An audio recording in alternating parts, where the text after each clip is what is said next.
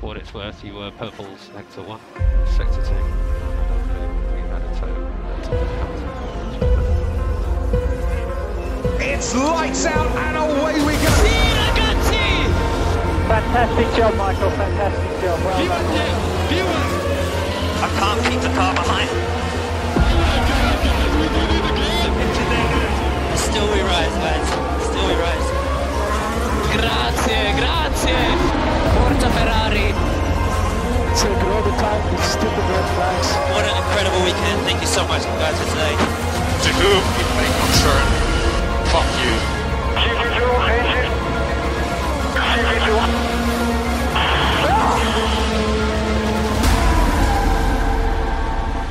מה קורה חברים?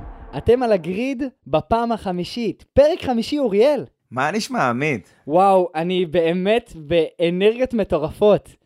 גם המפגש צפייה שהיה לנו בברזיל, וגם פרק חמישי של הגריד. תשמע, היה לנו מפגש פשוט מטורף. אה, גם הקהל הברזילאי הריע וגם הקהל המקומי שלנו הריע, שמעו את זה בכל עקיפה, בכל מהלך. היה פשוט תענוג לצפות איתכם, אז תודה רבה לכל מי שהגיע גם. תודה רבה רבה רבה. אה, ומכאן אנחנו נתחיל בנושא המרכזי שאנחנו הולכים לדבר היום, שזה המרוץ הברזילאי. אה, ונתחיל בתוצאות המרוץ. הנתונים הם ככה, המילטון סיים ראשון, ורסטאפן שני, בוטס שלישי, עם אסטרטגיה, פשוט, בוטס באמת היה עם אסטרטגיה נהדרת, פרז, לקלר, אה, סיינס וגזלי. זה פחות או היה הסדר אה, של החמישייה שישייה הראשונה. אם אנחנו כבר אה, התייחסנו לנתונים טכניים, בואו נדבר שנייה על אה, דירוג הנהגים. הפער בין מקס ללואיס אה, עומד כרגע על 14 נקודות, שלושה מרוצים לסוף העונה, זאת אומרת הכל פתוח. במיוחד uh, תזכרו שזה 14 נקודות רק בזכות פרז שגנב בסוף את ההקפה המהירה ו...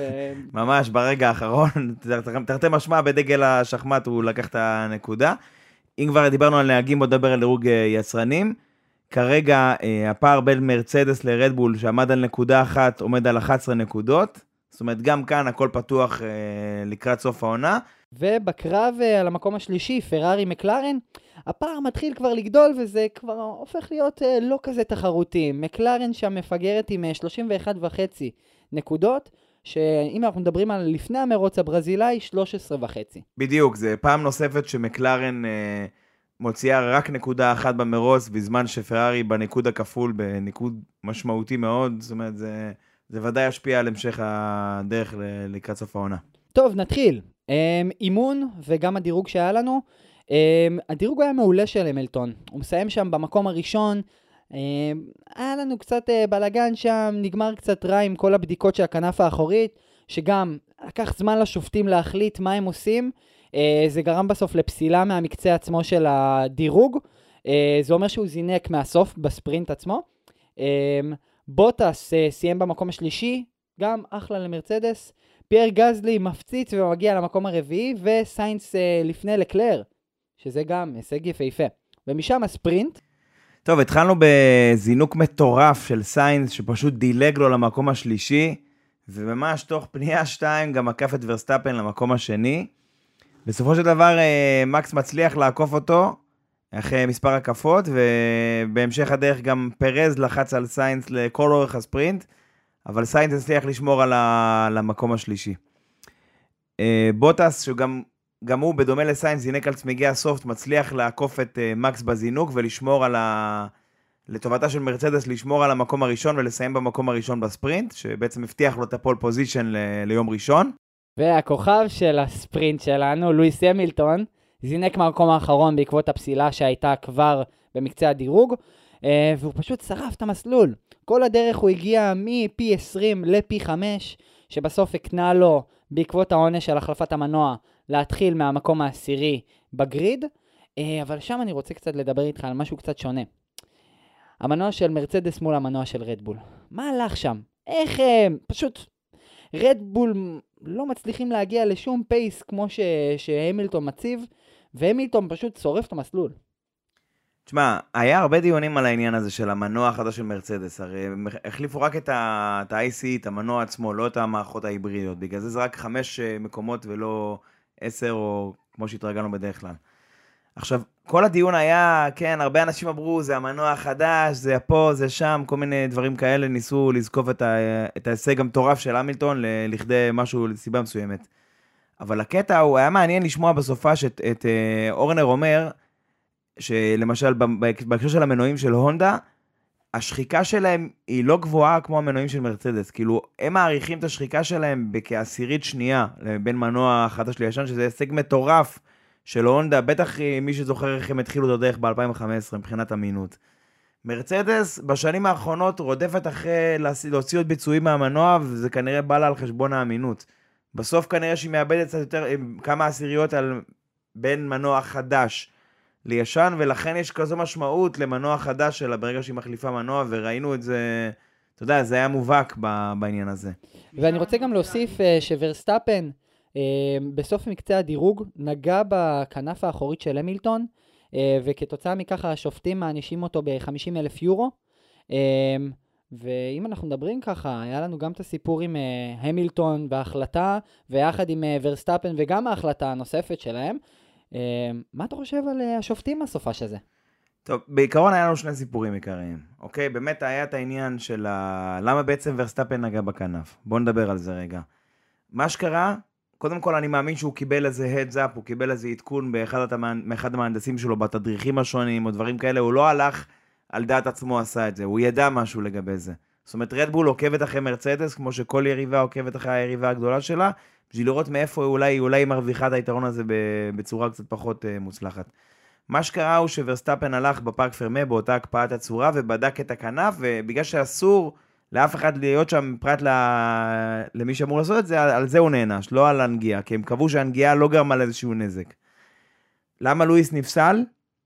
אה, כי המרווח, יש כאילו מרווח כזה מותר, שמתי שה-DRS פתוח צריך להיות 85 מילימטרים ולא יותר מזה. יש מדיד כזה שמעבירים בכנף, ואם המדיד אה, עובר, אז זה בעצם לא תקין. רק, רק לסבר את האוזן, אנחנו מדברים פה על מה מרצדס נכשלה בבדיקה, על 0.2 מילימטר באחד הצדדים של הכנף. זאת אומרת, בצד השני זה היה תקין. כנראה, כנראה כשל במנגנון של ה-DRS, או הרכבה לא נכונה, כאילו חופש בהרכבה. זאת אומרת, צד אחד היה מורכב, מורכב בצורה טובה, צד שני היה מורכב בצורה אה, פחות טובה, וזה מה שגרם לזה. אבל אנחנו מדברים פה על 0.2 מילימטר, שתבינו על מה, על מה הלך פה כל הסיפור הזה, על מה... שלחו את uh, המילטון לסוף הגריד. אנחנו כצופים הרווחנו מזה, כי ראינו ספרינט פשוט מטורף, אבל בסוף לא מדובר פה כנראה, וגם ה-FIA הסכימו על זה, לא מדובר פה בכוונה בזדון, זאת אומרת ברמאות, uh, זה... הם הכירו בכוונה של מרצדס לתכנן את הדברים בצורה uh, חוקית, הם הכירו בזה שמדובר בכשל, ו... ועל כן גם uh, הם הענישו אותם נטו על זה שהבדיקה uh, לא עברה, לא על, uh, בעצם על הכוונה. מפה אני רוצה לקחת אותך למרוץ עצמו, ונתחיל מהזינוק. טוב, אז בזינוק עצמו אני רוצה להזכיר את הדבר שבאמת קצת שינה את הדרך האסטרטגיה המעניינת שהייתה. סיינס ונוריס. סיינס מזנק שלישי, אחרי באמת באמת ספרינט מצוין. היה לו תקרית עם נוריס שבאמת טס, הוא מצליח לתפוס מה grid תאוצה יפה, מגיע אליו, אה, והיה שם איזשהו נגיעה בין השניים, זה מוביל לפאנצ'ר של, אה, של נוריס, שבסוף מקנה לו ירידה ל-P20, אבל הוא מחליף שם ל hard, מה שנותן להרבה מהקבוצות אופציה לראות את היכולות של הצמיג שלו. משם אנחנו ממשיכים בהקפה, בוטס מאבד את ההובלה בקלות, בהקפה, בזינוק כבר לוורסטאפן. אה, צמד הפרארי נכנסו לקרב ככה כבר לאזור הפנייה הרביעית. הם שניהם יוצאים מהמסלול כתוצאה מכך, אבל חוזרים לאחר מכן. פטל פתח בצורה מדהימה לאסטון, אבל בסיים בסוף בדשדוש, מקום 11, אפילו לא בניקוד. קצת מצביע שאין קצב לאסטון. זהו, לא, הם לא היו שם בסופש, הם פשוט לא היו שם. אולי זה, אתה יודע, מגמה של השבועות האחרונים, אבל בברזיל זה היה ניכר. המילטון פחות או יותר סוגר כבר את כל המידפילד בהקפה הראשונה. חוץ מפרארי ככה, מקום חמישי-שישי. זהו, לנו הגיע חמישי, שישי, שביעי, כן, משהו כזה. כן, לחלוטין. מה שמצביע עוד פעם על היכולות הטובות, הוא ממשיך מהספרינט ליכולות טובות כבר בהקפה הראשונה של המרוץ, ומצביע על זה שהולך להיות מאוד מעניין במהלך המרוץ בהמשך. אז נמשיך משם, הקפה הרביעית. טוב, תקרית סטרול צונודה. אה, מה שקרה בעצם, אנחנו מדברים על כניסה לפנייה ראשונה, סטרול מוביל, צונודה מיד אחריו. בכניסה לפנייה הראשונה, סטרול נמצא בחלק החיצוני של הפנייה, צונודה נמצא בחלק הפנימי של הפנייה. ממה שאנחנו ראינו עד להפקת הפרק, בשום שלב אה, צונודה לא היה מלפנים בצורה כזו שתיתן לו את הזכות לפנייה. זאת אומרת, הוא החליט שהוא הולך על זה בכל מחיר ושסטרול יתמודד. לסטרול יש את כל הזכות לבוא ולחסום אותו, לסגור לו את הדלת כדי לא לאפשר לו להיכנס. יוקי החליט כאמור שהוא הולך על זה בכל מצב, גורם לאיזושהי תקרית שמפזרת לא מעט קרבון על המסלול, וגורמת למכונית בטיחות הראשונה לצאת. Uh, בעקבות התקרית uh, מחליטים להעניש את צונודה בעשר שניות שהתווספו לזמן המרוץ שלו. בסופו של דבר שניהם סיימו מרוץ די בינוני, איזה בינוני בלשון המעטה. צונודה סיים 14 וסטרול uh, פורש מהמרוץ עקב uh, תקלת אמינות במנוע. טוב, מפה אני רוצה לקחת אותך לחלון העצירות הראשון. בעצם אנחנו נתמקד בעיקר במרצדס ורדבול, כי זה באמת היה אחד החלקים היותר מעניינים במרוץ. ופשוט הרקע שהוביל לאותן עצירות ראשונות, רק אה, לסבר את האוזן, אה, לואיס סוגר על פרז, בסופו של דבר אה, מצליח לעקוף אותו, ומתחיל להתקרב למקס, כבר סדר גודל של 4 שניות ממנו. בסופו של דבר מרצדס היא זו שיוזמת ועוצרת ראשונה את לואיס לצמיגי הארד, אולי בזכות הדטה שהיה להם ממה שנוריס היה מתחילת המרוץ. ואני רוצה להוסיף שם, מקס ממהר מאוד לעצור. כאילו רדבול הולכת לפי האסטרטגיה של מרצדס, ישירות, תגובה מיידית, מקס אה, עובר להארד, לואיס אה, סוגר לו פער יחסית אה, קטן, הוא כבר סוגר את הפער ל-1.7. בעקבות העצירות, כן. כן, בעקבות העצירות. וזה אומר שתכלס, מרצדס מצליחה לסגור את סבב העצירות הראשון ב... ככה בהצלחה טובה, ואפילו לצמצם את הפער בצורה מאוד uh, טובה למקס. וניקח יותר מזה, שהמילטון, uh, אחרי שהוא עובר להארד, הוא גם סוגר הקפות מצוינות uh, סגולות, וככה מקצר מאוד את הסקטורים שלו. אמ, שם היה לנו אירוע קצת עם סטרול.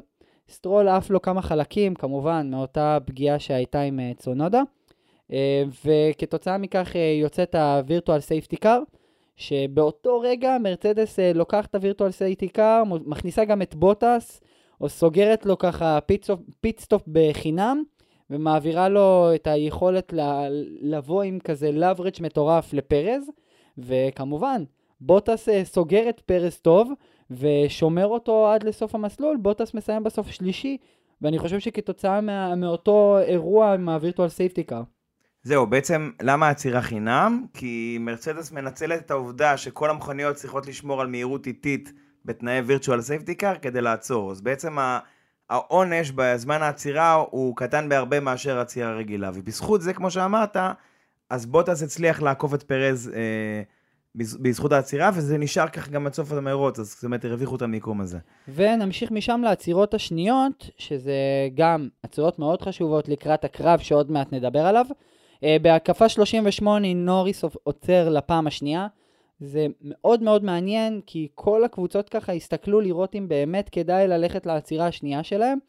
ואם אנחנו מדברים על עצירה השנייה, אז רדבול uh, יוזמת מהלך, מקס הוביל את המרוץ, רדבול uh, מכניסה אותו ומחליפה אותו לעוד פעם לצמידי, לצמיגי הר חדשים, uh, ואחר כך מכניסה גם את פרז, לאחר מכן כמה הקפות אחר כך, ולואיס נשאר בחוץ איזה ארבע הקפות, ואז רק נכנס. אבל שאלה לי אליך, אתה חושב שהיה עדיף לו להישאר בחוץ, או ללכת באמת לעצירה שנייה? שמע, אני חושב שמרצדס ראו את זה בנתונים, שעדיף היה לו לעצור פעם נוספת, כי לרוב באמת הם מעדיפים להשאיר את לואיס בחוץ, כי הוא באוויר הנקי, שאין לו שום הפרעות מקדימה פרט לסמנים אחוריים, הוא בדרך כלל מצליח למצוא איזשהו קצב מסוים שמספיק כדי לפתוח איזשהו פער מסוים, אבל כאן אני חושב שמרצדס דווקא בניגוד למה שהיה העונה, דווקא הם פעלו בחוכמה בעניין הזה. זאת אומרת, הם ראו את מה שהיה להם, הם החליטו להגיב, כנראה מתוך איזשהו ביטחון במכונית שלהם, שהם ידעו שיש להם מספיק קצב כדי לעשות את זה. ולכן הם באמת אה, עוצרים את לואיס פעם נוספת. הוא יוצא סדר גודל שלוש שניות פער ממקס, זאת אומרת פער גדול מאשר ב... בצירה הראשונה, אבל הוא באמת מהר מאוד סוגר את הפער הזה עד למה ש... עד בעצם ל... לזה שהוא כבר מרחק נגיעה ממקס ולקרב הראשי שהתרחש בהקפה 48. אז אה, לחלוטין, קרב ארבע... בהקפה 48 היה לנו את הקרב הגדול בין אה, מקס ללואיס, אה, ומה אתה יכול להגיד על זה? טוב, בואו נתחיל אה, אולי האירוע המרכזי של המרוץ הברזילאי, הקרב הגדול בין שני יריבי האליפות. אה, אנחנו, בשביל לתאר את זה, אולי כדאי שנסתכל משני, בעצם שני הנקודות המבט של הנהגים האלה. מהצד של לואיס, הוא בעצם, אה, זה מתחיל בפנייה הראשונה, בדרך לפנייה הראשונה. הוא עושה איזושהי תנועה שנראית כאילו, כאילו הולך לעשות מהלך לכניסה לפנייה הראשונה, מקס רואה את זה וישר זז כדי לחסום, ובעצם לוקח את הפנייה הראשונה בקו שהוא פחות אידיאלי, אוקיי? וזה מאפשר ללואיס, ששמר על המקום, הוא בעצם עשה למקס תרגיל, אה, יציאה הרבה יותר טובה מהפנייה, לקראת אותה התקפה שהוא ימשיך אותה אה, לקראת הפנייה הרביעית, ש... שהיא נמצאת בסוף הישורת הקצרה. אז אנחנו מדברים על ירידה מהפנייה הראשונה, שיקן קל, ישורת קצרה ופנייה רביעית. בישורת הקצרה ראינו כבר את לואיס סוגר את הפער משמעותית לוורסטאפן, כבר נעמד במקביל אליו. ממש מקביל אליו. אה, לואיס מגיע לפנייה, הוא מנסה לעקוף את מקס מהחלק החיצוני, הוא נכנס במקביל אליו, אפילו נכנס טיפה לפניו, מה שבעצם נתן לו את הזכות לפנייה ולמקום בפנייה. אה, באותה העת לא פרסמו את האונבורד של מקס, אבל בדיעבד ראינו אותו, ושוב, כנראה אה, מתוך איזושהי כוונה תחילה, מקס מבין שלואיס הולך לעקוף אותו, ואם הוא עוקף אותו, הוא בורח לו עכשיו. זאת אומרת, אם הוא לא מונע את הדבר הזה, אז הוא בעצם אה, דה פקטו מפסיד את המרוץ. כנראה, מה שהוא עושה, הוא בולם טיפה לפני, סליחה, הוא מוריד את הרגל מה, מהבלם טיפה לפני, מה שזה, מה שזה גרם, זה גרם לו לתת היגוי, לאנדרסטיר, שזה בעצם הוא מסובב את ההגה, אבל הרכב לא מסתובב, ממשיך באותו המסלול. וראו את זה אחר כך גם שהוא הוא לא סובב את ההגה ימינה, הוא לא ניסה לדחוק את אה, אה, לואיס, לפחות לא באופן אה, ישיר, אולי באופן עקיף, כמו שאמרנו עם, ה, עם העצירה הזאת. הוא בעצם הוריד את הרגל מה, מהברקס טיפה מאוחר יותר, זה הוביל לאותו תת היגוי, ואז מקס בעצם, אה, המסלול שלו היה מחוץ לגבולות המסלול. הוא המשיך במסלול הזה, והוא ידע שבאות... כנראה ידע שבאותה צורה הוא ידחוק את לואיס מהמסלול. שניהם נדחקים אל מחוץ לגבולות המסלול, וחוזרים בחזרה. Uh, השופטים שראו את זה אמרו כאילו היה כתוב בזמן השידור noted, כאילו נרשם, אבל בפועל לא חקרו את העניין הזה. ואחרי שהשמיעו לנו כמה הודעות רדיו בזמן המרוץ בהקשר הזה עם ה-FIA, הרדבול אמרו כאילו תנו להם להתחרות, מרצדס טענו אחרת. בסופו של דבר השופטים מתחילים לסיים את הדבר הזה ללא בדיקה. הם אומרים כאילו, טוב, תשמע, מבחינתנו זה מרוצים, סבבה, הכל טוב, בוא נמשיך. אבל יש פה איזושהי שאלה, כאילו, בסוף השאלה אם ורסטאפן, מעצם היציאה שלו מהמסלול והחזרה, האם הוא קיבל יתרון או לא קיבל יתרון מעצם היציאה. אתה מבין את הכוונה? כן. עכשיו, אתה יודע, לפחות היו צריכים לבדוק את זה. נגיד שנכון לזמן ההקלטה של הפרק הזה, מרצדס החליטה אה, מספר ימים לאחר המרוץ לבוא ולערער על ההחלטה הזאת. מניח שבהמשך התוצאות שלה יתפרסמו ואנחנו גם אה, נעדכן בקבוצה, אבל ברמת העיקרון הדיון כאן, אתה יודע, אה, בוא שנייה נגיד את התוצאה. לואיס בסופו של דבר מצליח לעקוף אותו ופותח עד לסוף המרוץ פער של איזה עשר שניות ומנצח במרוץ. אבל הדיון כאן ורסטאפן, השיג או יתרון או לא השיג יתרון? בעצם זה שהוא יצא. מה דעתך על זה? שמע, אני חושב שיש כאן נקודה שצריך אה, להתביית עליה, וזה, הנקודה היא שמקס עשה כל שביכולתו כדי להשאיר את ההזדמנות הזאת בחיים, להצליח להגן מול לואיס, והוא השתמש בכל האמצעים שיש לו. ובסוף גם ראינו שאין מה לעשות, נראה לי ממש לקראת סוף המרוץ, הוא כבר נתן לו ולא היה אפשרות. אבל היכולת התגד... התנג... סליחה, הת... אה, התגוננות כלפי המילטון הייתה מאוד מאוד טובה, ואפילו נקרא לזה, הוא עשה הכל נכון, וכמו שאמרנו, היה כמה דברים בדרך, האנדרסטירינג, הדברים האלו, זה מה שמבחינתי היה ה-racing incident. אם אנחנו לוקחים את זה להחלטת שופטים, אני חושב שזה קצת הזוי.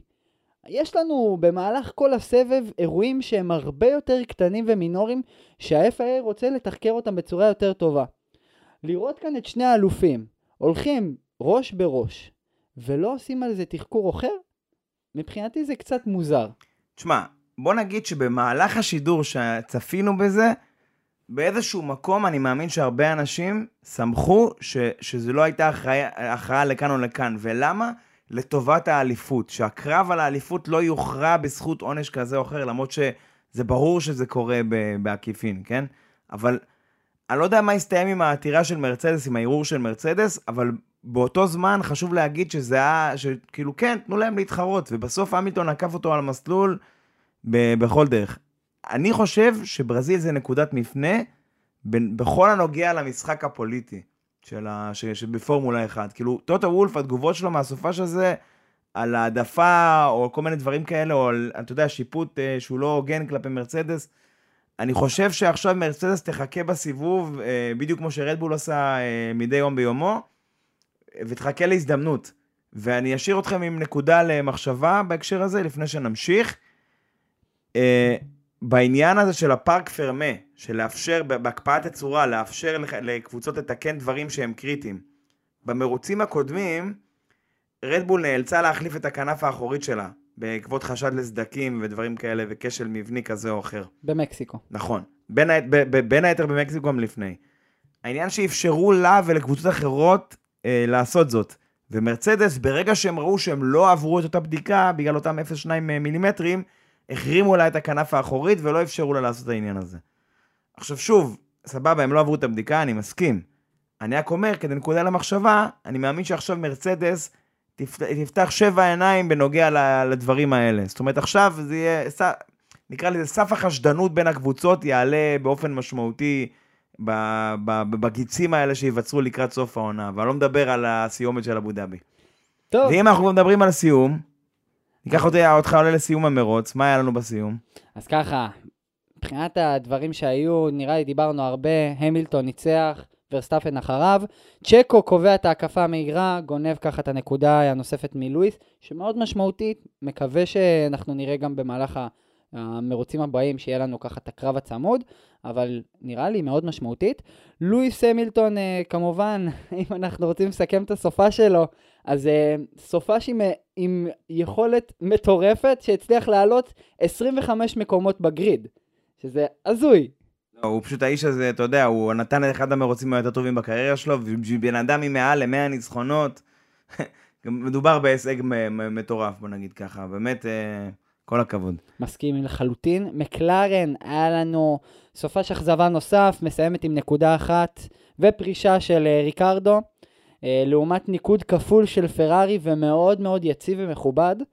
מקלרן בסוף אה, קצת מאבדת מומנטום מול פרארי. תשמע, במרוצים האחרונים, פרארי, אני חושב שהשבוע הראו את הגרף הזה, המספר הנקודות שפרארי הרוויחה פחות או יותר מטורקיה עד היום, כאילו אנחנו מדברים פה בעשרות נקודות, ומקלרן, לפחות נכון לצמד המרוצים האחרונים, הרוויחה כולה שתי נקודות. זה... הפער כאילו גדל. בצורה משמעותית, כמו שאמרת, אולי אפילו המומנטום נמצא אצל פרארי כרגע. שלושה מרוצים לסיום, אה, מקלרן תצטרך משהו אה, מיוחד בשביל לחזור לעצמה. כי תכלס במסלול הזה היא הייתה צריכה להצטיין יותר מפרארי. וזה אכזבה לדעתי בשבילה. אה, משם אנחנו לוקחים לאלפין שמסיימת בניקוד כפול, סוף סוף. אה, אסטון, לא בתמונה בכלל, אין, אין מה לדבר. כמובן, הפרישה של סטרול, פטל מסיים, עשי- אה, אני לא זוכר. לא, אחד- כן, 11, אני נכון, חושב, כן. 11 מחוץ לניקוד אפילו, אה, שזה גם מאוד עצוב, כאילו... תשמע, אני מאמין שאם היה להם טיפ-טיפה יותר כסף בסופה של זה, פטל היה מסיים בקלות בניקוד, כי היה לו מרוץ מעולה בזינוק, וזהו פשוט, הוא לא יכל, אתה יודע, הוא לא יכול להשאיר את עצמו מול מכוניות יותר מהירות, זה לא זה. וגזלי, איי איי איי, סוחב לבד את הקבוצה.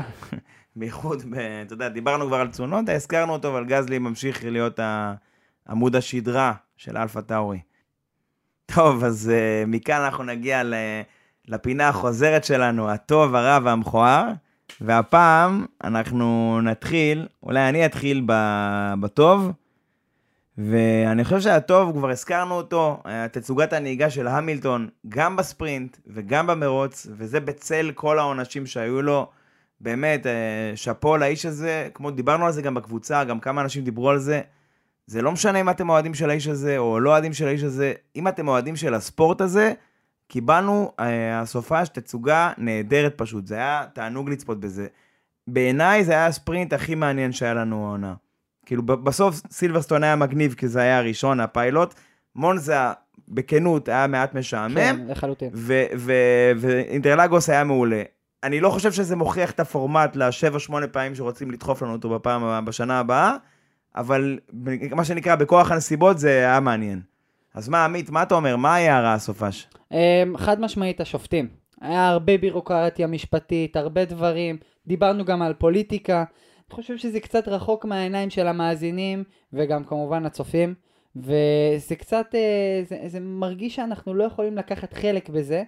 גם זה לא מותח, גם זה לא תחרותי, ובסוף היה, היה הרגשה שכאילו אנחנו מרגישים שמסתירים מאיתנו דברים. זה דברים שנסגרים במחשכים כזה, מזמינים אנשים לדיונים, מדברים איתם, הם מעלים את הטענות, ובסוף אתה מקבל איזה PDF עם כל החפירה הזו, עם כל התוצאות, ואני מסכים איתך, זה, המעריצים הם די מנותקים בזה. כאילו, ליב, ליברטי מדיה עושה כל דבר אפשרי בשביל לחבר את המעריצים, אבל הפן הזה של הספורט עדיין טיפה נמצא באיזושהי, באפלה כזה. אה, אותי מאוד עצבן העניין הזה שלא קיבלנו onboarding על, ה, על הפנייה, ארבע, ב, סליחה, בהקפה 48 עם אה, המשחקית. ה onboard של מקס, נכון, בזמן אמת לא היה אותו, ו- ואני אני חושב שגם השופטים לא בדקו את ה onboard הזה ביחס לא, לאותה בדיקה, ובגלל זה פשוט החליטו שהם ממשיכים. מכאן אנחנו גם התייחסנו לערעור של מרצדס, שטוענת שיש לה ראיות חדשות, שישנו את התמונה. בוא נראה. טוב, אה, דבר אחרון, מה, מה היה מכוער מבחינתך? או, את האמת לא היה כל כך קשה למצוא כאן מכוער, כי יוגי, יוקי צנודה עשה ככה עבודה די מכוערת, וממשיך עם התאונות, אז אה, הוא המכוער. תשמע, יש לו, לא, לא מכוער אה, פיזית, בואו נדבר על, כאילו לא שאנחנו פה בתחרות יופי, אבל הכוונה היא שזה לא, לא בדיוק היה הסופש המבריק ביותר של צונודה. מה אתה אומר על גריד לפי, אה, לפי מיקום יופי? לא, זה, אולי, אולי אם נזמין אורחים בהמשך נשאל אותם את זה, אבל אה, פחות אה, זה. לחלוטין. טוב, מה, מה, מה נשאר בעצם? אה, טוב, הצצה למרוץ הבא, מה נשאר? טוב, אז המרוץ הבא שלנו הוא קטר, שזה מסלול חדש. הוא כבר, הוא כבר כמה שנים במוטו פי, הוא מוכר לחבר'ה של מוטו פי, אני בטוח. אבל הוא ככה מגיע אלינו בצל הקורונה בתור איזה מחליף לאוסטרליה, סין, משהו בין לבין כזה. אה, הוא, דרך אגב, הוא, הוא השנה יהיה, בשנה הבאה הוא לא יהיה, כי יש שם את המונדיאל במדינה, ויש לו אופציה לעשור נוסף בסבב. בכנות, נראה לי שלא כדאי, אבל בואו נחכה למרוץ הראשון שם נראה. בואו נדבר על המסלול.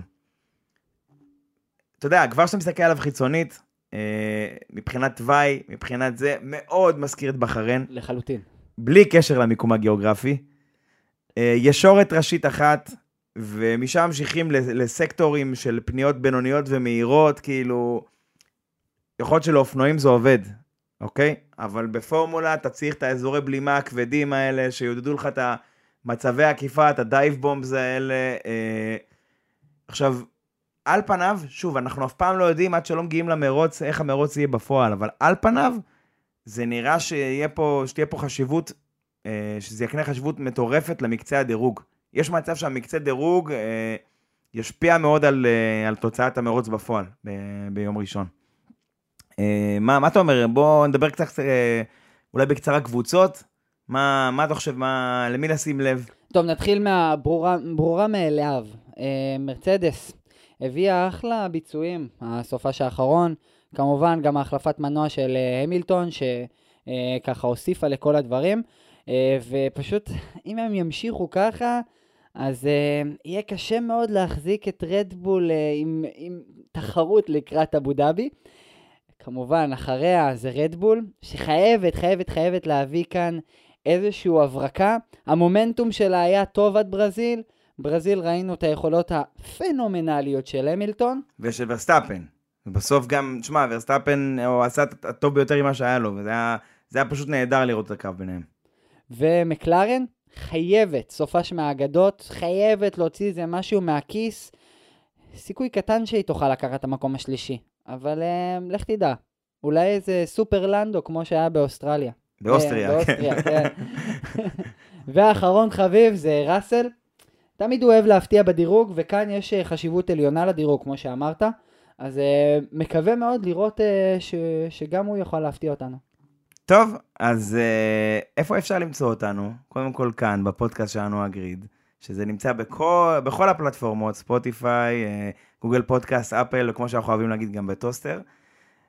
יש לנו קבוצת פייסבוק שנקראת פורמולה 1, פורמולה 1 בעברית פשוט, בפייסבוק, תחפשו, זה הקבוצה עם, אה, לא יודע מה, 5,000 פלוס חברים, תבואו, יהיה כיף. איפה אפשר לפגוש אותנו? אה, יש לנו קצת מפגשים לאחרונה, בזכות כל המרוצי ערב. יכול להיות שיהיו לנו אה, כאלה עד סוף העונה, לא בטוח, וגם בעוד כל מיני דברים שאולי נודיע עליהם בהמשך. כמובן, כמה הפתעות שאנחנו רוצים לתכנן. שרוצים ואולי אה, יצאו לפועל, תלוי. אה, אז זהו, אז זה היה הפרק חמישי. תודה רבה שהאזנתם. תודה לעמית. תודה אוריאל. זהו, עד הפעם הבאה. יאללה ביי.